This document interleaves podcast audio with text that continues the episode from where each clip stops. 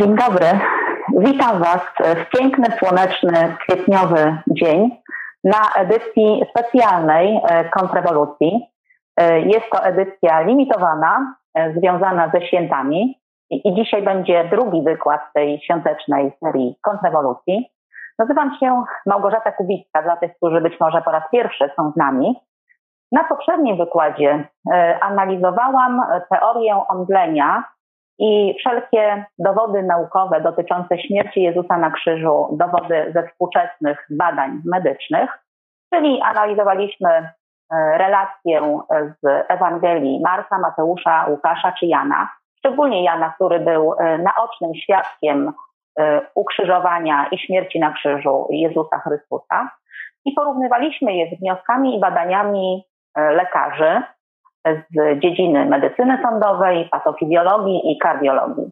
I doszliśmy do e, tego, że zarówno ewangeliści, jak i współcześni medycy popierają ten sam e, wniosek i to w sposób stuprocentowy. To znaczy Jezus Chrystus na krzyżu umarł. To jest pewnik. A dzisiaj e, będę mówiła o najbardziej radosnym, e, najbardziej budzącym nadzieję, e, największym e, wydarzeniu w historii całej ludzkości. I to od samego początku ludzkości do teraz. Mianowicie o zmartwychwstaniu. Jest to też fakt najbardziej gwałtownie atakowany przez ateistów. No, nie ma się co dziwić, jest to filar wiary chrześcijańskiej. Na jednym ze swoich wykładów e, profesor biologii ewolucyjnej e, Jerry Coyne, ten, o którym wspominałam Wam już e, w moich wykładach, mianowicie jest to między innymi autor książki Ewolucja jest faktem. Otóż na jednym ze swoich wykładów wyraził on pewną ateistyczną myśl, którą chciałabym Wam, znaczy nie, nie zacytuję jej dosłownie, ale chciałam ją troszkę sparafrazować, mianowicie powiedział coś takiego, że jeśli udałoby się obalić zmartwychwstanie, to chrześcijaństwo e, by znikło. Chrześcijaństwo byłoby po prostu pozamiatane. I teraz e, pytanie, czy ten e, ewolucjonista i walczący ateista miał rację. Przy okazji taka dygresja, że rzeczywiście w wielu przypadkach ateizm i ewolucjonizm idą ze sobą w parze wyjątkowo zgodnie, zwłaszcza u takich właśnie misjonarzy nowej świeckiej religii ewolucyjnej, jakim jest e, Jerry Coyne, czy chociażby Richard Dawkins.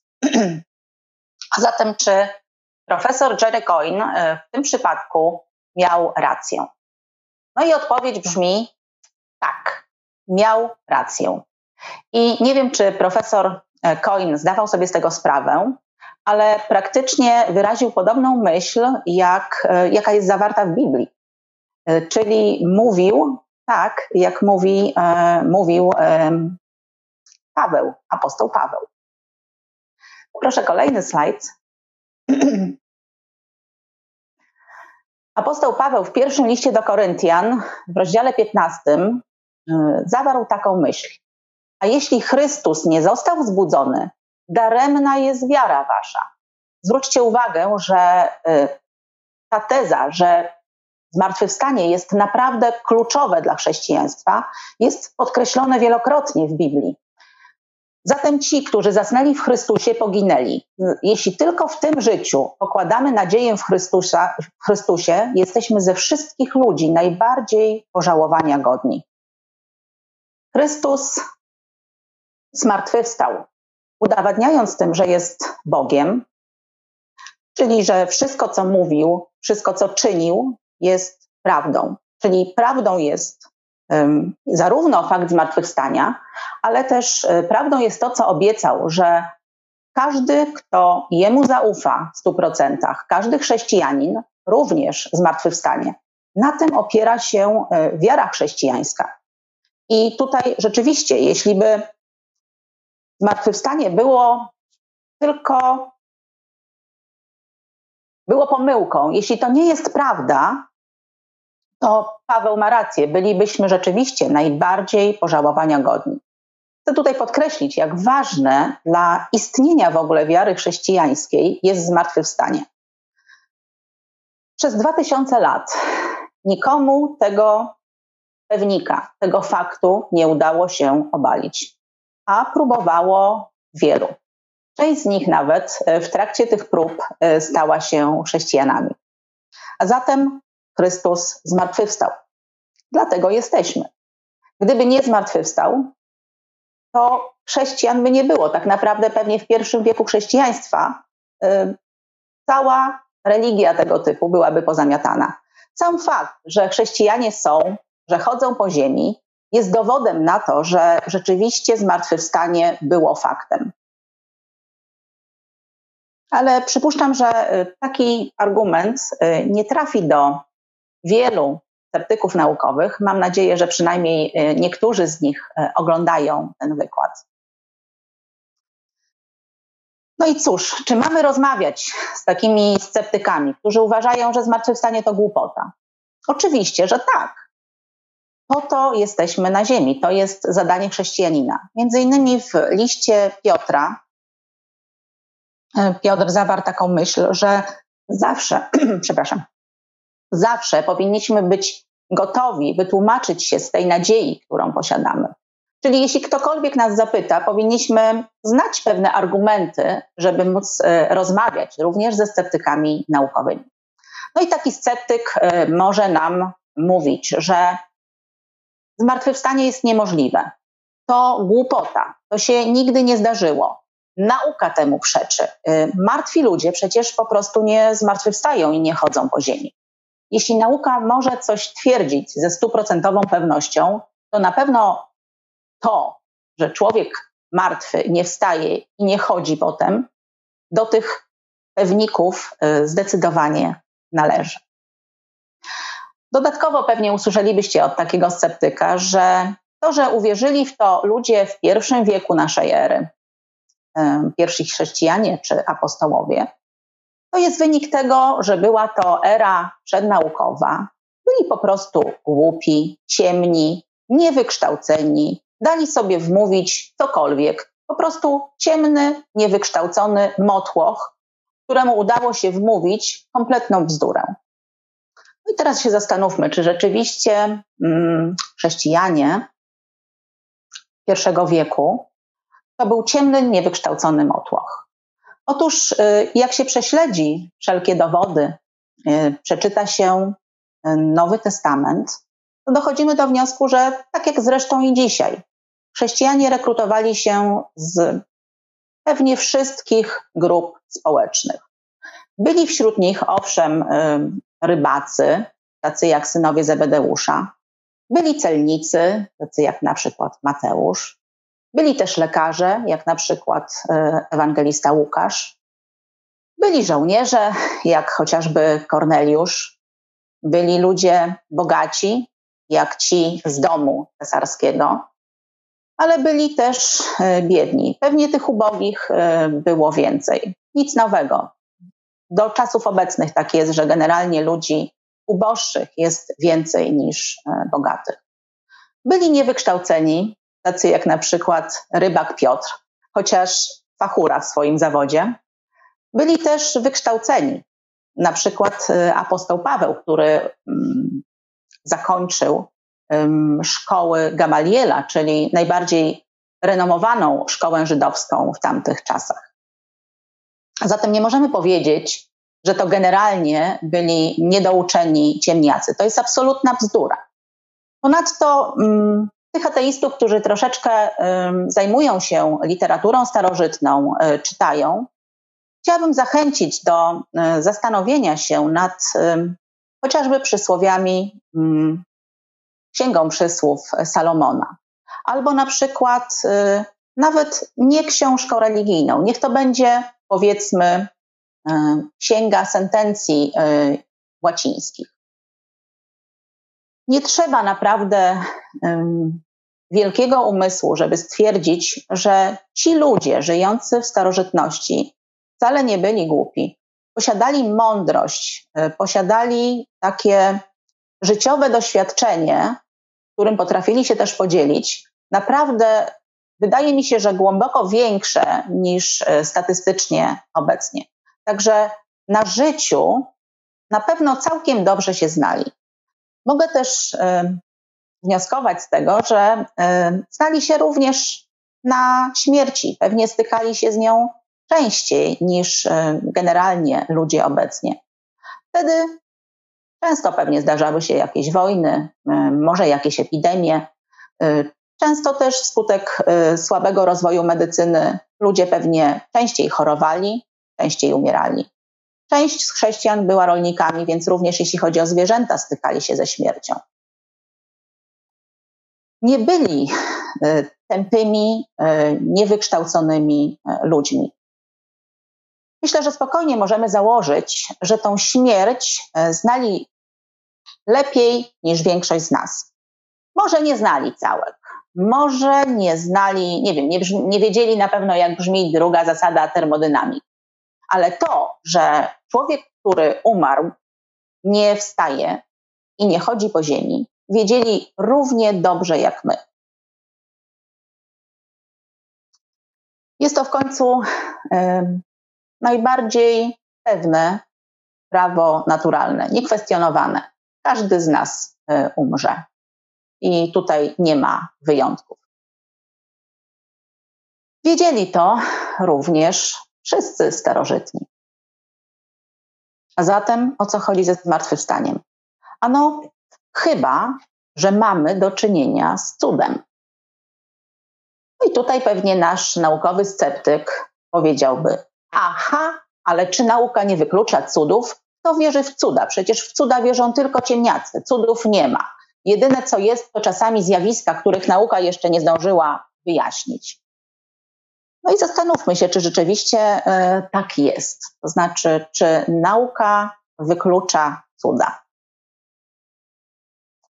Tutaj będę głównie odnosiła się do nauk e, przyrodniczych, czyli tego, co na Zachodzie określamy mianem sciences, nauk ścisłych. Otóż, jeśli chodzi o ich definicję, to nauka zajmuje się opisem normalnych, powtarzalnych działań świata przyrody, normalnych mechanizmów, naturalnych funkcjonowania tego świata. I bada je przez y, powtarzalne eksperymenty i przez obserwacje. No, obserwacje z natury również są y, powtarzalne. I nauka rzeczywiście w odkrywaniu tych prawd dotyczących normalnego, naturalnego działania świata jest bardzo dobra jest tak dobra, że pewnie gdzieś w XIX wieku, może początek XX, część ludzi pokusiło się o to, że jest wszystkim, że jeśli coś nie jest naukowe, to nie może być prawdą. Poszli w tą ścieżkę, że jeśli nauka jest tak niesamowita, to znaczy, że nie ma żadnej innej metody odkrycia prawdy, jak tylko przez naukę. Nauka bada rzeczy normalne i bada rzeczy powtarzalne. Cóż, natomiast jeśli się zastanowimy nad cudem, to on jest nienormalny i niepowtarzalny. Więc jak nauka mogłaby go badać? Nie można udowodnić cudu metodami naukowymi. A zatem nauka nie może obalić zmartwychwstania. Nie ma po prostu do tego w ogóle warsztatu metodologicznego. W ogóle do tego się nie nadaje. Jeśli zmartwychwstanie było cudem, a było, to nie jest zwyczajne wydarzenie, to nauka nie jest w stanie go ani udowodnić eksperymentalnie, ani obalić. Nie może ani jednego, ani drugiego. Co nauka może powiedzieć o cudzie? Absolutnie nic, dlatego że nauka opiera się na działaniach naturalnych, na prawach naturalnych, a cud jest ponadnaturalny. Jedyne, co nauka mogłaby stwierdzić o cudzie, gdyby stanęła z takim face to face, to stwierdzić, że jest taki fakt, którego nie może wytłumaczyć i że coś takiego zdarza się niezmiernie rzadko. No ale czy do tego potrzeba nam nauki? Przecież to, że cud zdarza się niezmiernie rzadko, jest y, oczywistą oczywistością. To należy do definicji cudu. Cud z natury swojej jest y, wyjątkowy. Nie, nie zdarza się po prostu raz po raz. Zresztą chrześcijanie tak samo wcale nie twierdzą, że ludzie zmartwychwstają co i raz, prawda? A zatem pytanie, czy Jezus zmartwychwstał, nie jest czymś, co nauka może udowodnić, ani nie jest czymś, co nauka może obalić. W sensie metodologii naukowej i działania w zakresie tych nauk ścisłych, nauk eksperymentalnych. No to pytanie, dlaczego w ogóle o tym mówię jako o fakcie w programie, którym opieramy się właśnie na nauce czy na mm, racjonalnych przesłankach. Przecież skoro zmartwychwstania w laboratorium nie da się udowodnić, no to nie ma co rozważać, czy to jest prawda, czy nie. No i właśnie ten wniosek nie jest prawdziwy, dlatego że nauka, poza tym, że zajmuje się. Proszę, następny slajd. Poza tym, że nauka zajmuje się e, udowadnianiem pewnych praw biologicznych, zajmuje się też e, całą dziedziną niezwiązaną bezpośrednio z eksperymentami. Na przykład e, może obalać pewne oszustwa, może obalać e, samo oszukiwania się, czy na przykład błędne postrzeganie, ale może też opierając się na dowodach pośrednich, na dedukcji, do pewnych rzeczy dochodzić. Tak samo jak w rozprawach sądowych dochodzi się do pewnych wniosków, przecież nie mając nagrania ze zbrodni. Y, tak samo jak rozwiązuje się pewne zagadki kryminalne. A zatem, poproszę kolejny slajd, możemy również y, w pewien sposób naukowy, bazując na logicznych, racjonalnych przesłankach, bazując na zgromadzonych dowodach, na dowodach e, historycznych, na dowodach z zapisków. Możemy je weryfikować i sprawdzać, czy coś jest wiarygodne, czy nie. Nauka może w tym przypadku na przykład falsyfikować pewne rzeczy, albo dochodzić do wniosku, że były one faktem. Poproszę kolejny slajd. A zatem pierwszy, e, poproszę ten następny e, książką Simona Greenleafa. A zatem e, pierwszy dowód, dlaczego możemy wierzyć, że, do, że faktem jest zmartwychwstanie. Otóż chociażby dlatego, że przekazują nam to godni zaufania obserwatorzy, którzy byli naocznymi świadkami. Ci naoczni świadkowie pewnego dnia, dwa tysiące lat temu, widzieli Jezusa zmarłego. I ci sami ludzie parę dni potem widzieli go żywego. Ich zapiski mamy zgromadzone w ogromnej ilości historycznych um, fragmentów Nowego Testamentu. Istnieje około 24 tysięcy manuskryptów, na których historycy się opierają. Nowy Testament jest bardzo wiarygodnym źródłem tego, co działo się 2000 lat temu. I między innymi Simon Greenleaf, prawnik, napisał książkę na temat zeznań y, czterech ewangelistów, Mateusza, Marka, Łukasza i Jana. Potraktował ich po prostu tak, jak traktowałby świadków w rozprawie sądowej. I stwierdził, że to byli bardzo wiarygodni świadkowie. Ale rozumiem, że Ci, którzy nie czytali tej książki, e, będą nadal sceptyczni. No i mogą nam zarzucić, na przykład może e, ci ewangeliści, czy w ogóle uczniowie Jezusa kłamali. Czy mamy jakieś dowody, że kłamali? No, jeśli tak by było, to pewnych rzeczy absolutnie nie moglibyśmy e, racjonalnie wyjaśnić, bo jak wytłumaczyć to, że ci apostołowie dobrowolnie zgadzali się na wykluczenie synagogi, na karę więzienia, na karę tortur i to tortur naprawdę okropnych, na biczowania, obdzieranie ze skóry, na straszne tortury. Ponadto wielu z nich y, zmarło straszną, męczeńską śmiercią. Wszyscy dlatego, że głosili fakt zmartwychwstania Jezusa Chrystusa. To jest nielogiczne, gdyby kłamali i jednocześnie dobrowolnie za taki fakt umierali. A mamy mnóstwo historycznych źródeł świadczących o męczeństwie apostołów.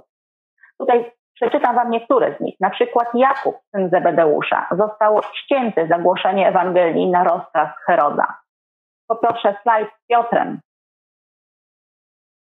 Apostoł Piotr według tradycji został ukrzyżowany w Rzymie głową w dół. Mateusz został zabity mieczem w Etiopii. Jakub, brat Jezusa, sceptyk, który tak a propos nie wierzył w Jezusa do czasu jego zmartwychwstania. Dopiero zmartwychwstanie, zobaczenie zmartwychwstałego Jezusa było punktem zwrotnym jego życia. I jak już uwierzył, to za prawdę o zmartwychwstaniu, za prawdę o dobrej nowinie o zbawieniu w Jezusie Chrystusie umarł również w sposób straszny.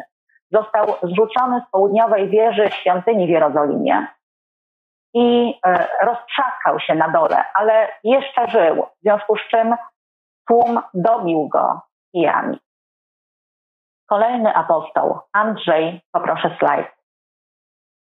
Biczowany a następnie został ukrzyżowany mm, na takim krzyżu w kształcie litery X, jak widzicie. Działo się to w greckim mieście Patras. Apostoł Tomasz, zwany niewiernym Tomaszem, Tomaszem, sceptykiem, który nie dowierzał nawet świadectwu innych apostołów, że widzieli Jezusa. Sam chciał zobaczyć. I Jezus y, dał mu taką możliwość. Za to przekonanie, za głoszenie zmartwychwstania Jezusa został przebity włócznią w Indiach. Tamtejszy hinduski władca skazał go na śmierć za to, że nie szanował systemu kastowego. Prawdopodobnie Tomasz głosił Ewangelię, głosił prawdę o zbawieniu w Jezusie Chrystusie, niezależnie od tego, z jakiej kasty pochodził dany człowiek. Kolejny, apostoł Paweł. Poproszę slajd. Który wiele lat przecierpiał w rzymskim więzieniu. Został ścięty mieczem na rozkaz e, cesarza Nerona w Rzymie. Jedenastu z dwunastu apostołów zmarło tragicznie. Jedyny prawdopodobnie, który zmarł naturalną śmiercią, to był apostoł Jan a i on doświadczał e, wielu ucisków, wielu prześladowań, między innymi był zesłany na wyspę Patmos. Poproszę kolejny slajd. Też podkreślić, że uczniowie spędzili z Jezusem trzy lata. To jest ponad tysiąc dni byli z Nim razem. Razem z Nim jedli, pili, wędrowali, spali, cierpieli różne dokuczliwości zwykłego życia. Razem być może też się śmiali. Trzy lata to jest bardzo dużo takiego całego bycia ze sobą. Jeśli oni widzieli Jezusa przez trzy lata i potem widzieli go po zmartwychwstaniu, no to są najlepszymi świadkami, którzy mogą stwierdzić, czy ten Jezus przed zmartwychwstaniem i ten po to jest ta sama osoba a oni byli wszyscy gotowi umrzeć za to przekonanie. Nikt dobrowolnie nie umrze za kłamstwo. Nikt nie umrze za fałsz. Dlatego to z pewnością musiała być prawda. Ponadto, jeśli chcecie sobie prześledzić e, Nowy Testament, Ewangelie, dzieje apostolskie, listy, tam widać, jak e, apostołowie, jak chrześcijanie Naprawdę ta prawda zobaczenia zmartwychwstałego Jezusa była czymś niezwykłym. Nawet jeśli nie wierzymy w ten fakt, to zwróćcie uwagę na to, co się dzieje z życiem apostołów, z życiem wielu uczniów Jezusa przed i po tym jakimś fakcie. To po prostu jest coś gwałtownego, co dramatycznie zmienia ich życie. Dzieli je jakby na dwa, dwie części. Tego, co było przed i tego, co było po tym jakimś tajemniczym, powiedzmy, wydarzeniu. Ludzie, którzy wcześniej jeszcze przy rozprawie i ukrzyżowaniu śmierci Jezusa tchórzyli, nagle po tym wydarzeniu, kiedy widzą zmartwychwstałego Jezusa, stają się bohaterami, stają się heroicznymi głosicielami Ewangelii, głosicielami, którzy akceptują każde szykany i mają je gdzieś, dalej głoszą ten fakt. Ta zmiana jest widoczna, nawet jeśli byście nie wierzyli w samo zmartwychwstanie, to nawet na podstawie tak dramatycznej zmiany musicie uznać, że w ich życiu zdarzyło się coś absolutnie niezwykłego.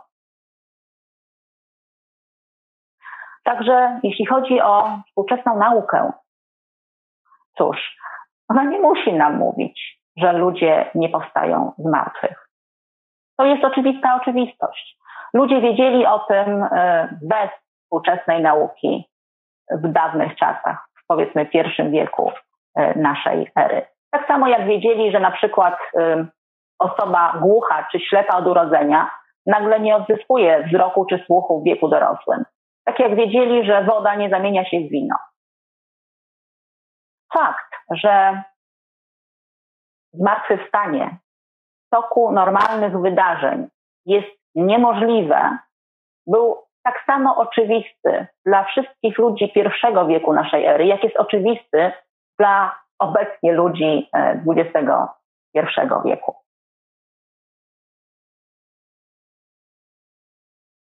Wielu naukowców, i to z różnych dziedzin nauki, matematyków, psychologów, prawników, fizyków, ale również dziennikarzy, historyków, badało, gromadziło dowody mm, tego, co się wydarzyło, jeśli chodzi o życie, śmierć i zmartwychwstanie Jezusa Chrystusa. Jednym z nich był właśnie wspomniany przeze mnie e, Simon Greenleaf. Proszę kolejny slajd. Jeszcze kolejny poproszę. Otóż e, ten człowiek żył w XIX wieku. Był sławnym prawnikiem amerykańskim, e, założycielem, jednym z założycieli e, szkoły prawniczej Harvardu. Bardzo światłym człowiekiem, bardzo znanym w środowisku prawniczym amerykańskim pewnie do dziś. W roku 1842 napisał e, bardzo znany traktat, zwany traktat, traktatem o prawie dowodowym. E, ten traktat, e, ta książka uznana jest za największy autorytet w dziedzinie dowodów w całej literaturze procedury prawnej, że tak szumnie się wyrażał. Ale jedno można stwierdzić na pewno, kto jak kto, ale Simon Greenleaf, autor tej książki, wagę faktów znał doskonale. Otóż y, był on ateistą i z tego czasu przyjął wyzwanie swoich studentów, którzy chcieli, żeby opierając się właśnie na procedurze prawnej, sprawdził wszystkie dowody, jakie są na zmartwychwstanie Jezusa Chrystusa. Simon Greenleaf y, przyjął to wyzwanie. Rzeczywiście zgromadził masę e, dowodów, przeanalizował je bardzo skrupulatnie. Jako ateista naprawdę chciał udowodnić, że to jest nieprawda. Opierał się na zasadach, e, których sam był współautorem, które do dzisiaj są wielkim autorytetem w dziedzinie prawa e, w Ameryce. I chciałabym Wam zacytować, co po dokładnym śledztwie w sprawie zmartwychwstania twierdził. Cytuję. Zmartwychwstanie Jezusa Chrystusa jest najbardziej wiarygodnym faktem starożytnej historii. Najbardziej wiarygodnym faktem starożytnej historii. Czyli ze wszystkich rzeczy, których uczymy się dotyczącymi starożytnej historii, ta jest największym pewnikiem. Tak twierdzi jeden z najbardziej znanych w historii prawników. Poproszę jeszcze kolejny slajd. Tutaj e, chciałam Wam przedstawić e, film Sprawa Chrystusa. E, jego bohaterem jest dziennikarz, który tak samo próbuje zweryfikować dowody na zmartwychwstanie Jezusa Chrystusa. Również zaczyna jako ateista, a kończy tak samo jak Simon Greenleaf jako chrześcijanin. Polecam Wam, jeśli macie okazję na święta obejrzeć ten film. Naprawdę dobra pozycja do obejrzenia. I poproszę kolejny. Również e, film dotyczący śledztwa. Tutaj śledztwo przeprowadza bohater tego filmu, nie pamiętam już, czy to był setnik, czy jakiś konsul rzymski, który mianowicie przeprowadza na własną rękę śledztwo dotyczące pustego grobu i zniknięcia zwłok Jezusa Chrystusa. Tak samo, świetny film, e, polecam do obejrzenia na święta. Każda z tych historii, e, tutaj może filmowe, ale wiele jest e, historii autentycznych, takich jak Simona Greenleafa, jest też dowodem, że ci ateiści, którzy mówią, że ludzie wierzą Jezusowi Chrystusowi dlatego, że zostali tak przyuczeni w dzieciństwie, że y, w dzieciństwie po prostu sprano im mózgi i dlatego są ludźmi wierzącymi. Otóż właśnie dowody ludzi, którzy nawracają się w wieku dojrzałym, i to nawet nie w wieku tam powiedzmy 18-20 lat, ale nawracają się w wieku 40 lat, 60 lat. Profesor Greenleaf y, nawrócił się będąc dojrzałym profesorem Harvardu. Także y, jest to dowód, że Ludzie, którzy nawet w dzieciństwie nie słyszeli o Jezusie Chrystusie, nawracają się i są gorącymi chrześcijanami. Także to nieprawda, co mówią e, tacy ludzie jak Jerry Coyne czy Richard Dawkins, że wiara jest wynikiem e, prania mózgu w wieku dziecięcym. Naprawdę myślę, że ogromna rzesza chrześcijan nawróciła się w wieku dorosłym, w wieku dojrzałym. Chciałabym, żebyśmy jeszcze raz tak krótko przeanalizowali e, dowody na fakt zmartwychwstania. Poproszę kolejny slajd. Pierwszy dowód to pusty grób. Pusty grób, któremu nie mogli zaprzeczyć naprawdę poważni wrogowie Jezusa a znajdowali się oni i wśród społeczeństwa żydowskiego, i wśród Rzymian. I nie mogli zaprzeczyć, że grób był pusty. Wszelkie te teorie o kradzieży ciała przez Rzymian czy przez e, Żydów są absurdalne, są absolutnie niedorzeczne, bo zwróćcie uwagę, zarówno jedni, jak i drudzy byli zainteresowani akurat zupełnie czym innym. Gdyby mieli to ciało, to byliby pierwszymi, którzy zwłoki Jezusa Chrystusa by pokazali. Im właśnie zależało na udowodnieniu, że On umarł, zarówno Rzymianom, jak i Żydom. Także teoria, że to Żydzi albo Rzymianie wykradli ciało Chrystusa jest kompletnie absurdalna.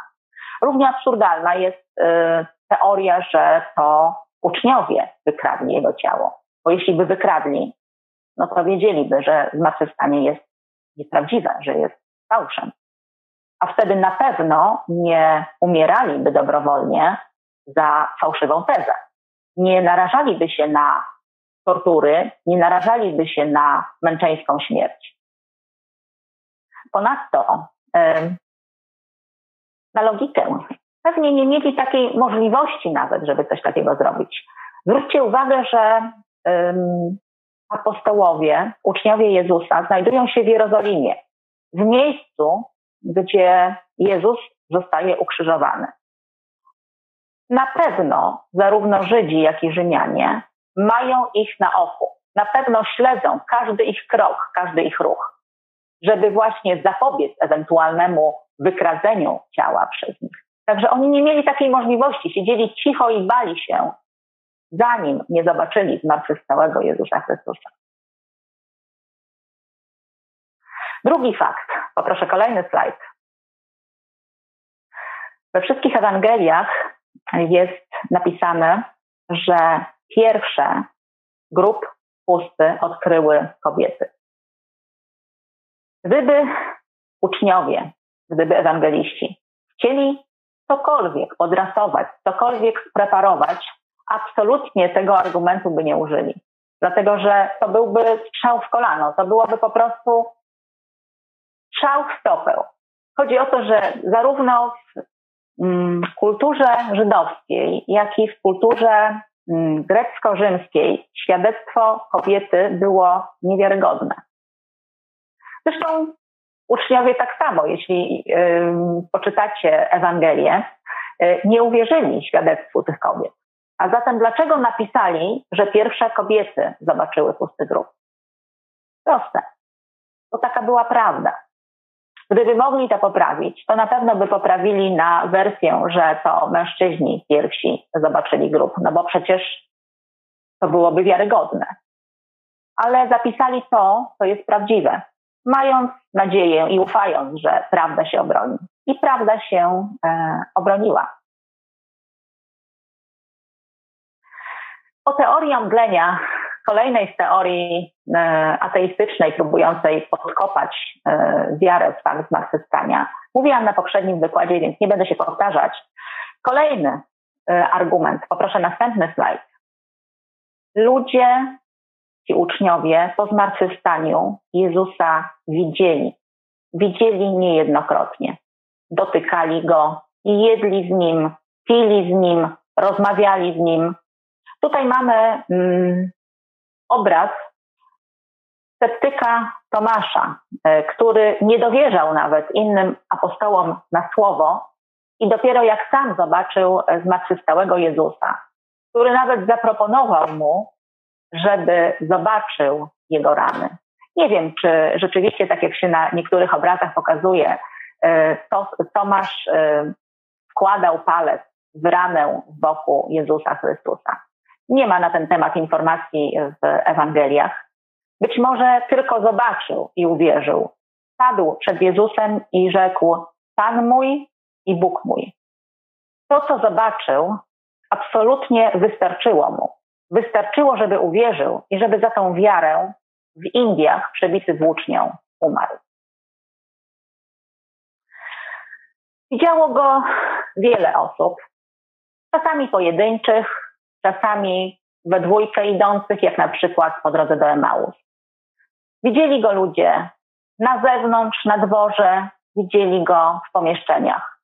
Widziało go, i to mamy zaznaczone w jednym z fragmentów Biblii, a dokładnie w pierwszym liście do Koryntian, rozdział 15, wers 6. Ponad 500 świadków ujrzało Jezusa jednocześnie. Trudno tutaj mówić o jakichś halucynacjach. Poproszę następny slajd. Uczniowie spotykali go, rozmawiali z nim, siedzieli z nim, jedli rybę, którą im przygotował. Widzieli go. To, to doświadczenie, nie, ponieważ ono jest powtarzalne, powtarzało się przez 40 dni w różnych warunkach, różnym osobom. To nie była kwestia histerii, jednej osoby. To nie było też, wiecie, towarzystwo artystów, którzy coś tam sobie, jakieś ziół, ziół popalili. To byli ludzie konkretni, rybacy, na pewno tacy, którzy generalnie trzymają się y, normalnych, prostych, jasnych, racjonalnych reguł życia. Oni go widzieli i oni za tą prawdę później naprawdę męczeńsko czasami umierali. Ich życie zmieniło się w sposób e, dramatyczny. I widzimy to, możemy prześledzić na kartach historii. Jeśli nie zmartwychwstanie, to jak wyjaśnić to, co się stało na przykład z Jakubem, bratem Jezusa, który wcześniej w ogóle w niego nie wierzył, w ogóle nie przejmował się Jezusem. Dopiero zmartwychwstanie, zobaczenie zmartwychwstałego Jezusa czyni z niego chrześcijanina. Poproszę kolejny slajd. Jeśli nie fakt y, zmartwychwstania, jeszcze poproszę może slajd z Pawłem po drodze do Damaszku, jeśli mamy. Jeśli nie fakt zmartwychwstania, to nie potrafilibyśmy też wyjaśnić, co się stało apostołem Pawłem. Człowiekiem, który ział absolutnie nienawiścią, wręcz fanatyczną do chrześcijan, który brał udział w kamienowaniu Szczepana, pierwszego męczennika chrześcijańskiego. I to doświadczenie, no tam akurat nie brał czynnego udziału w kamienowaniu, ale widział to, widział całą sytuację, o której możecie sobie przeczytać e, w Nowym Testamencie. I to doświadczenie nie tylko go zastopowało, żeby się zastanowić, ale wręcz nakręciło do prześladowania chrześcijan. Prześladował zarówno mężczyzn, jak i kobiety. Wywlekał ich z domów do więzienia. Tutaj do Damaszku jechał również z listami polecającymi, żeby zaaresztować tych sekciarzy. Co się w takim razie, jeśli Jezus nie zmartwychwstał, zdarzyło po drodze do Damaszku? Dlaczego ten fanatyk po doświadczeniu spotkania Jezusa Chrystusa staje się kimś zupełnie innym? Staje się największym chyba Mm, ewangelistą, największym misjonarzem e, wczesnego chrześcijaństwa. I kolejny dowód, poproszę następny slajd mapą. Jeśli Jezus nie zmartwychwstał, to jak wytłumaczyć e, to, że chrześcijaństwo istnieje? Jak wytłumaczyć to, że zaczęło się ono w Jerozolimie, w miejscu, gdzie Jezus Chrystus umarł, a więc w miejscu, gdzie Gdyby to nie była prawda, najprościej byłoby obalić ten fakt, zadać temu kłam. Tymczasem z Jerozolimy chrześcijaństwo, cały Kościół, ta wiara wręcz wybucha na cały świat. Na początku na e, tereny Imperium Romanum, potem całego świata antycznego, potem Europy, a potem całego świata. To jest kompletnie niewytłumaczalne, jeśli nie fakt zmartwychwstania Jezusa Chrystusa. Zwłaszcza, że mm, szczególnie w pierwszych wiekach chrześcijaństwa, ale nie tylko. Chrześcijanie byli naprawdę bardzo y, źle traktowani, y, byli często więzieni, doświadczali przeróżnych trudności. To nie było kwestia zysku bycie chrześcijaninem w sensie takim materialnym. Także to, że zdarzyło się coś mega ważnego, mega przekonującego, jest y, oczywiste. Jest oczywiste w świetle wszelkich racjonalnych przesłanek. Może na tym y, zakończę. To, że to, ta wiara tak wybuchła, tak szybko się rozprzestrzeniła, że nadal, nadal, nadal y, chrześcijanie chodzą po ziemi w każdym kraju, jest czymś niezwykłym, jest cudem samym w sobie. I chrześcijanie na całym świecie każdego dnia radują się tego faktu zmartwychwstania. Chrześcijaństwo jest, nie jest religią. Chrześcijaństwo jest wiarą, jest odkryciem najgłębszej prawdy dotyczącej istoty człowieka, istoty wszechświata i poznania Stworzyciela człowieka i wszechświata. Jest to ogromnie radosna rzecz. Także chrześcijanie radują się. No i jak chcecie zobaczyć, na czym opierają swoją radość, przeczytajcie chociażby list e, do Filipian, albo polecam program Biblia w czasie zarazy. Właśnie analizowaliśmy cały list do Filipian. Zwróćcie też uwagę, że nie jestem pewna, czy w dziejach apostolskich, ale jest historia e, apostoła Piotra, który siedzi w więzieniu z Sylasem. Obaj śpiewają. Tak normalnie to by się wydawało wariactwem. Natomiast no, tacy są chrześcijanie. Naprawdę, jeśli cierpią za wiarę, cierpią za to, że głoszą, że Jezus Chrystus zmartwychwstał.